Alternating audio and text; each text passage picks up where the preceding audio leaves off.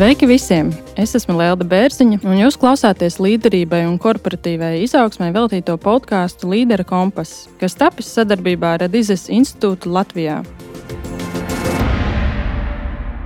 Pirmā epizode ir veltīta līderu un līderības tēmai, jo tieši sākot ar individu vijas ceļš un veidojas vide tālāk, gan dzīvē, gan uzņēmumos, gan sabiedrībā. Tomēr kādas īpašības ir līdera trumpis izaicinājumu priekšā, vai sliktās var kalpot kā dzinējspēks? Kas virza līdera panākumus? Kādēļ ambīcija trūkums var būt problēma? Un kā to sabalansēt ar cilvēcīgu attieksmi pret citiem? Par to parunāsim ar šīs dienas viesi Mārtiņu Bičevski. Labdien, Mārtiņ! Labdien! Man ir tas gods jūs sveikt līderības kompasā. Jauki, man ir prieks te būt.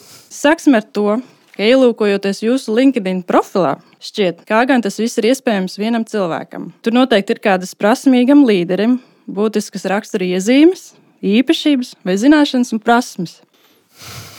Es domāju, ka primāri jau tā ir iekšēji kaut kāda vēlme, kaut kāds iekšējais motivators iet uz priekšu un kaut ko darīt. Tas radās kaut kur, kaut kad. To vai nu ieliek šūpulī, vai, vai to ierauga ģimenē, vai to kaut kas sajūt uh, skolā. Bet uh, tā nav tāda kaut kāda lieta, ko mācīt augstskolā. Tas, es domāju, vairāk tas tiešām ir iekšējais uguns, kurš uh, rada enerģiju. Ļoti interesanti, ka jūs to pieminat. Jau kā reizi Adizes institūta Latvijā metodoloģijas ietvaros ir tāds uzskats, ka līderība nav tikai izredzētajiem, ir prasmes, ko var apgūt. Bet tāpat laikā bieži vien saka, ka jau bērnībā šie cilvēki domā, uzvedās un rīkojas savādāk. Es jums jautāšu tādu jautājumu, ko par jums teica bērnībā?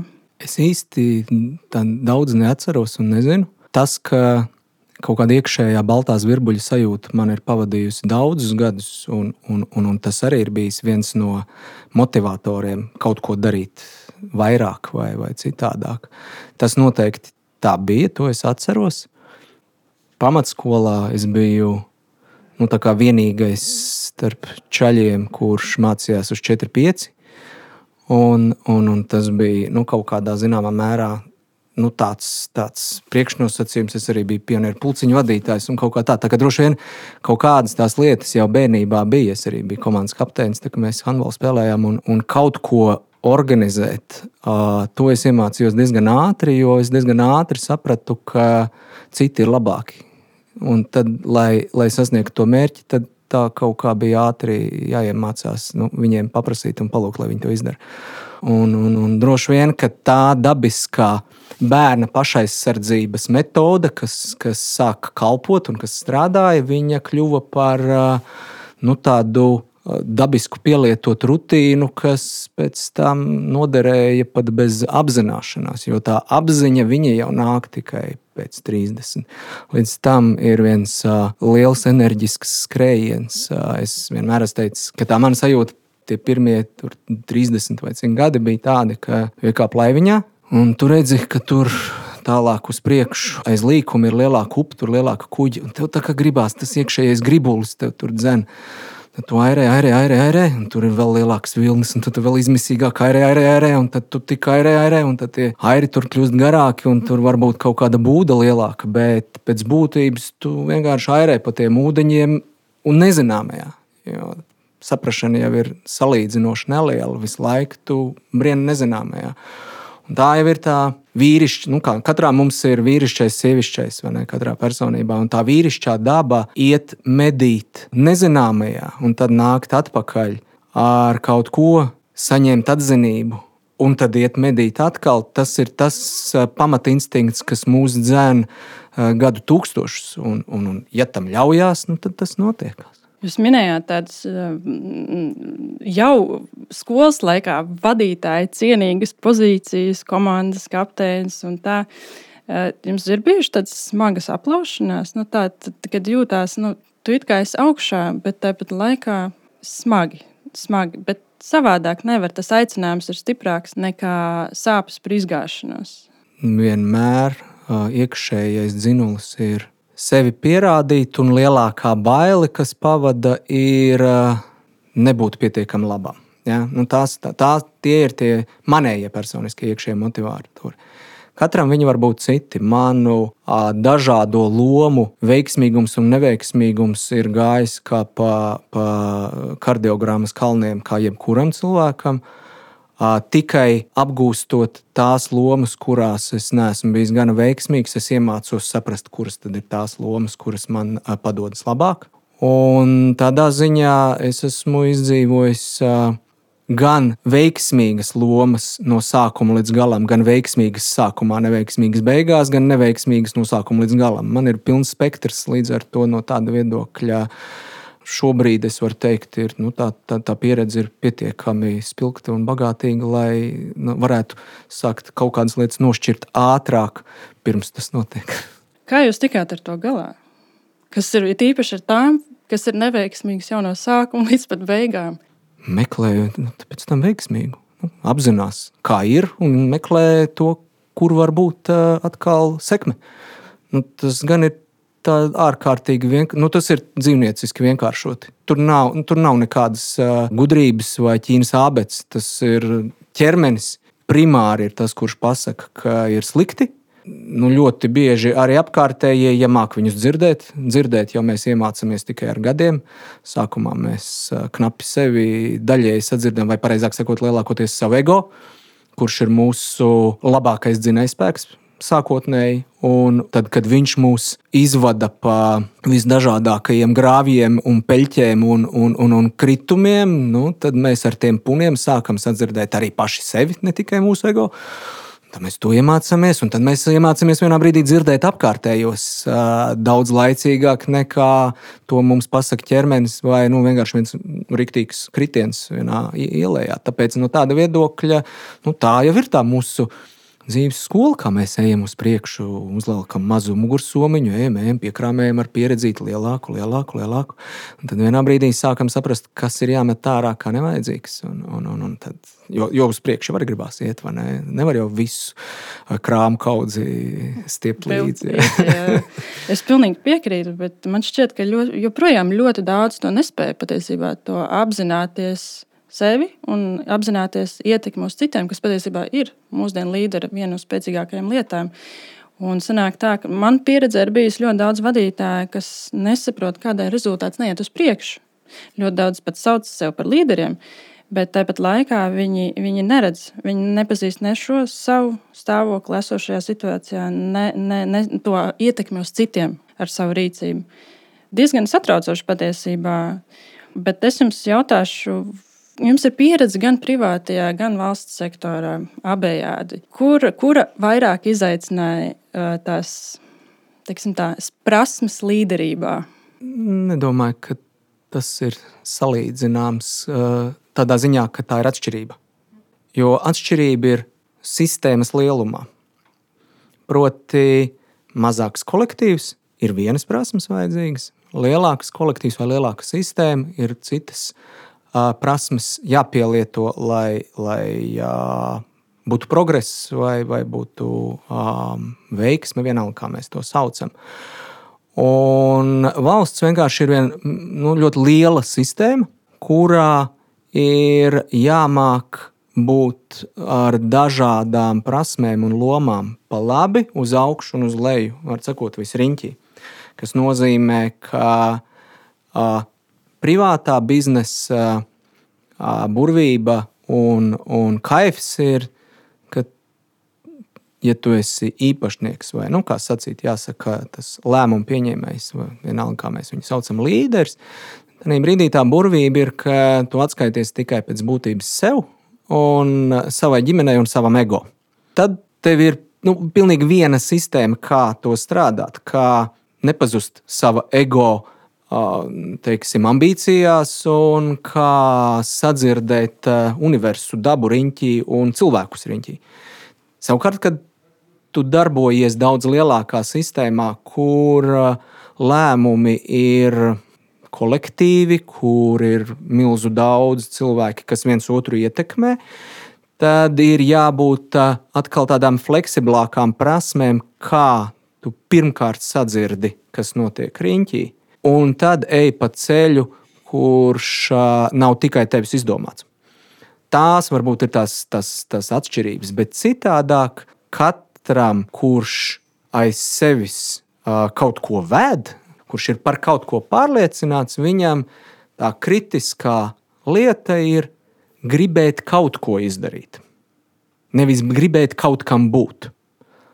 Visi veiksmes stāsti parasti ir, nu, ka, ja mēs sākam klausīties, nu, ja mēs vienalga paklausāmies Simonu Sineku vai nu, jebkuru no, no spilgti spējīgiem verbalizēt uh, panākuma uh, ceļu un saturu, bet vienkāršā saprotamā valodā, mēs tomēr dienas beigās sadzirdam, ka viņi ir gribējuši kaut ko izdarīt. Viņi ir redzējuši sev priekšā kaut kādu uh, upes ceļu, vai upes pat līkumu, līdz kuram viņi grib nonākt. Tur kaut ko nomedīt. Ja?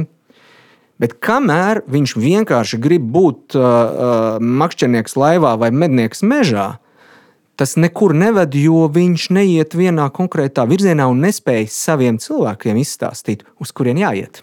Jo viņš tikai grib būt.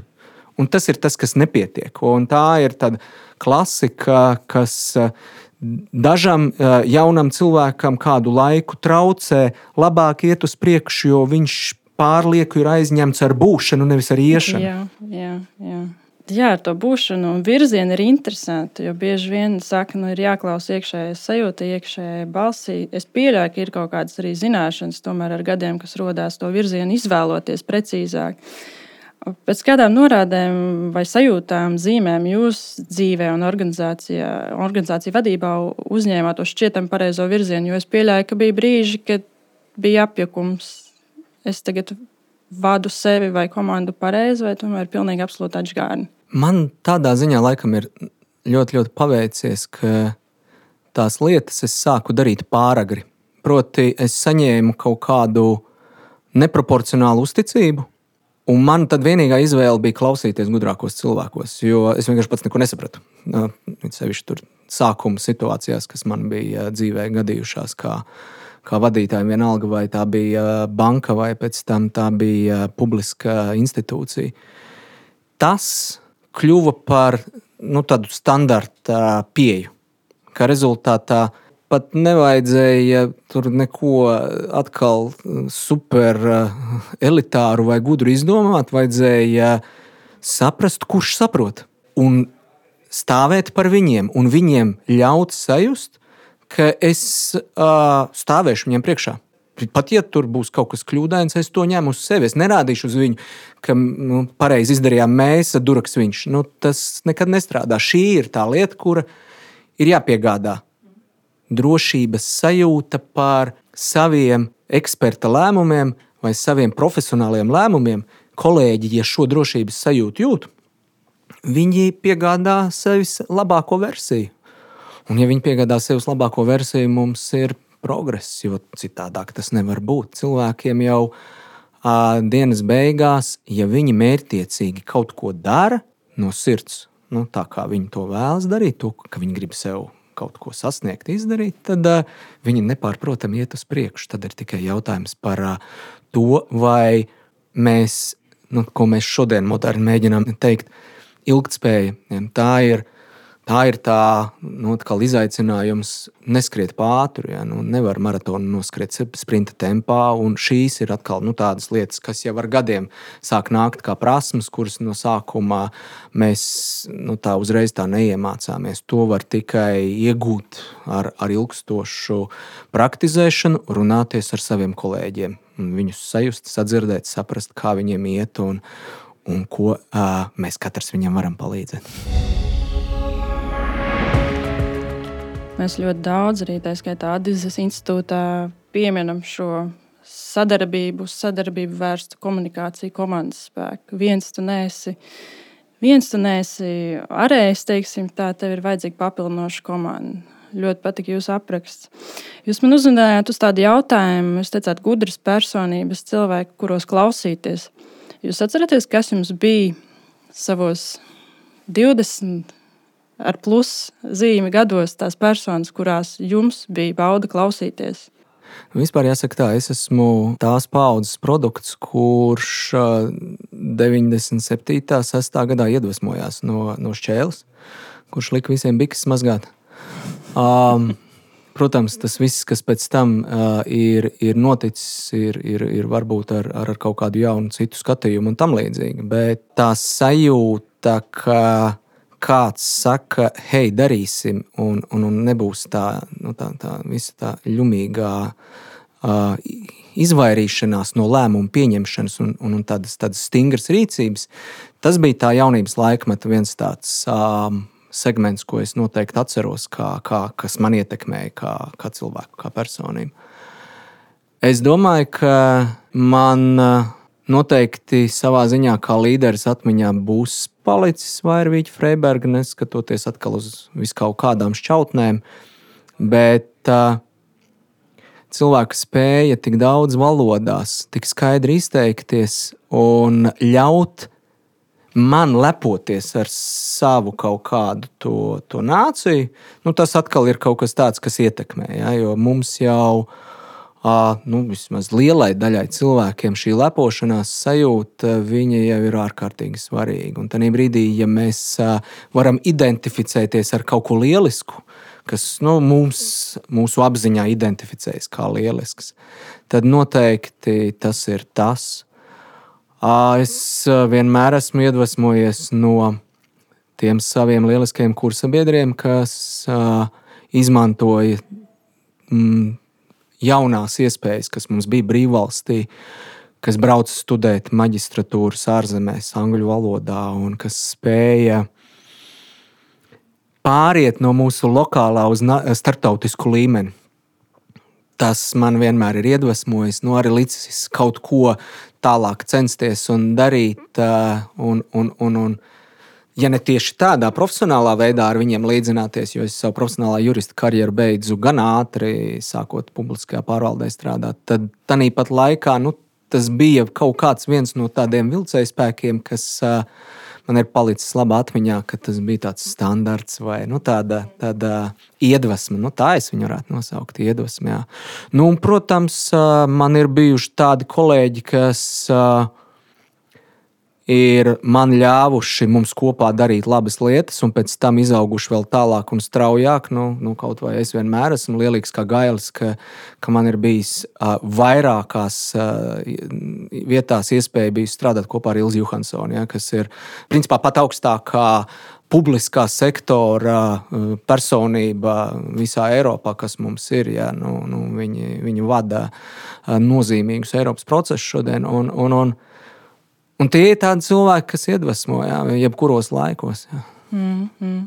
Es vienmēr atcerēšos Andriānu Leņķu, pilsonības migrācijas lietu pārvaldes ilgstošu vietnieku, kurš pēc būtības bija nu, visas pasu sistēmas tēvs un, un, un kurš arī bija galvenā centrālā personība, ar kuru kopā mēs darbojāmies, lai ieviestu jaunu centralizētu digitālu pasu informācijas sistēmu, jaunus procesus, modernus. Un, un tie cilvēki, kas paliek atmiņā ļoti mm, labi. Mm, mm.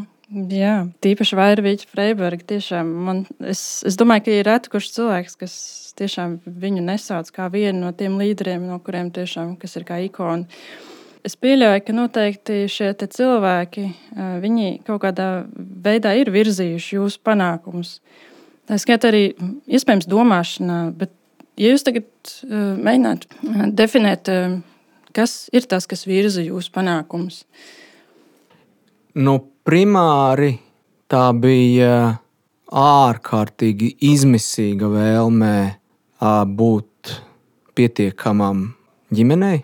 Man ir Man ir ļoti agra laulība, un man, man ir divas meitas, kuras piedzima, kad man vēl bija gan 18, gan 22 gadi. Un, un tā, nu, tā, tā, tā vide, ka man ir jānodrošina savu ģimeni, nu, tā viennozīmīgi ir, ir bijusi ārkārtīgi spēcīga motivācija. Tur es domāju, ka manā personiskajā gadījumā tā ir bijusi numur viens. Jā, un, un, un, Un šī sajūta, ka man ir jāspēj uh, nu, būt uh, spējīgam savu ģimeni pabarot, un, un, un, un, un tā bija milzīgs virzītājs spēks.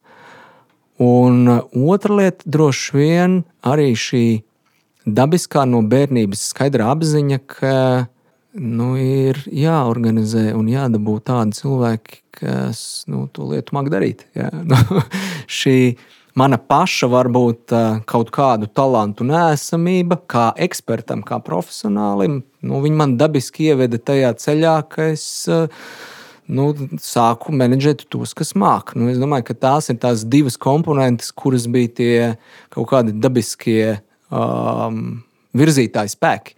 Nu, tālāk, tad jau vienā brīdī, kad tu esi praktizējis noteikti gadu skaitu to, to, to lietu darīt, tad jau tas kļūst par kaut kādu tādu dabisku, jau, jau eksperta prasmi, tieši šī vadīšanas prasme. Mm -hmm. Bet sākotnēji šīs divas lietas, es domāju.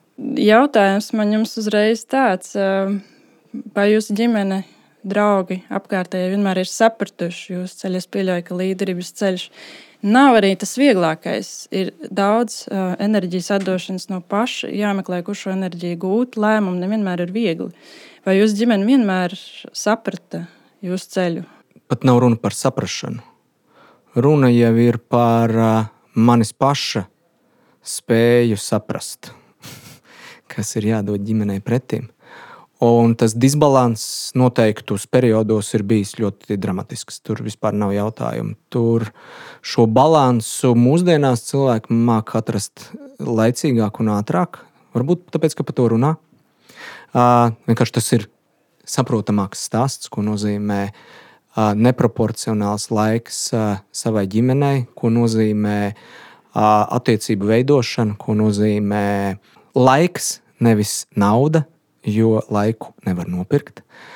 Un šīs ir visas lietas, par kurām mēs šodien runājam daudz plašāk, saulaicīgāk un ātrāk. Un, protams, ka tajā laikā, kad, kad es to darīju, ap, kad vēl man bija knapi 30 vai ap to laiku, tad uh, aizraušanās ar saviem panākumiem vai ar savu uh, būšanu protams, bijis arī mans stabils grēks, ar kuru es esmu grēkojis un caur ko es esmu saņēmis skaudras, skaudras mācības. Tā kā no tāda viedokļa ļoti līdzīgi kā ļoti daudz. Es arī šo piesvilušo garozu esmu noēdis ar diezgan, diezgan nozīmīgu kārtu. Paldies par jūsu atklātību.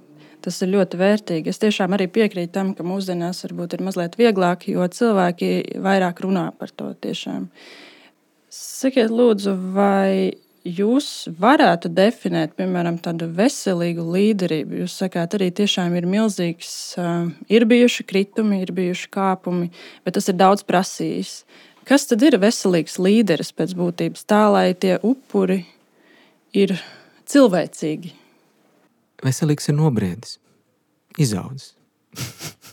Kamēr nav izaudzis, tikmēr vēl nav uh, pilnā spēkā bet tas nemaina to, ka arī ir jāizaug. Un, nu, tad ir vienmēr tas jautājums, kurā brīdī kas kur cietīs no, no jaunības, kantainuma, pārgalvības vai nu, citām dabiskajām jaunības, dabiskajiem jaunības trūkumiem, kur ļoti ātri pāriet. un, un no tāda viedokļa ir tikai jautājums, vai katra personība ir gatava un grib maksimāli mācīties un kļūt apzinātam un dzirdēt. Ir kam šī prasme ir daudz ātrāka. Primāri tā, tā ir sieviešu prasme, kas ir daudz ātrāk iestājas būt apzinātai un saprast, kas notiek.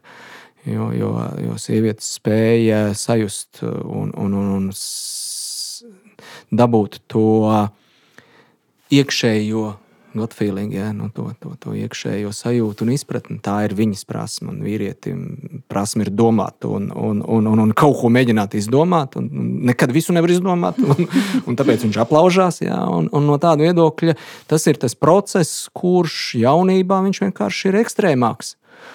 Un, ja, ja, ja personība mācās un, un, un, un tos pūnus pārvērš jaunās zināšanās, kur iet un kur neiet, kurā gravī kāpt un kurā nekāpt, tad viņš nobriest.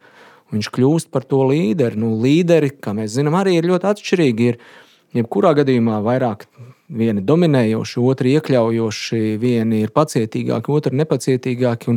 Katram laikmetam un vietai vajag savu uh, līderības uh, devu.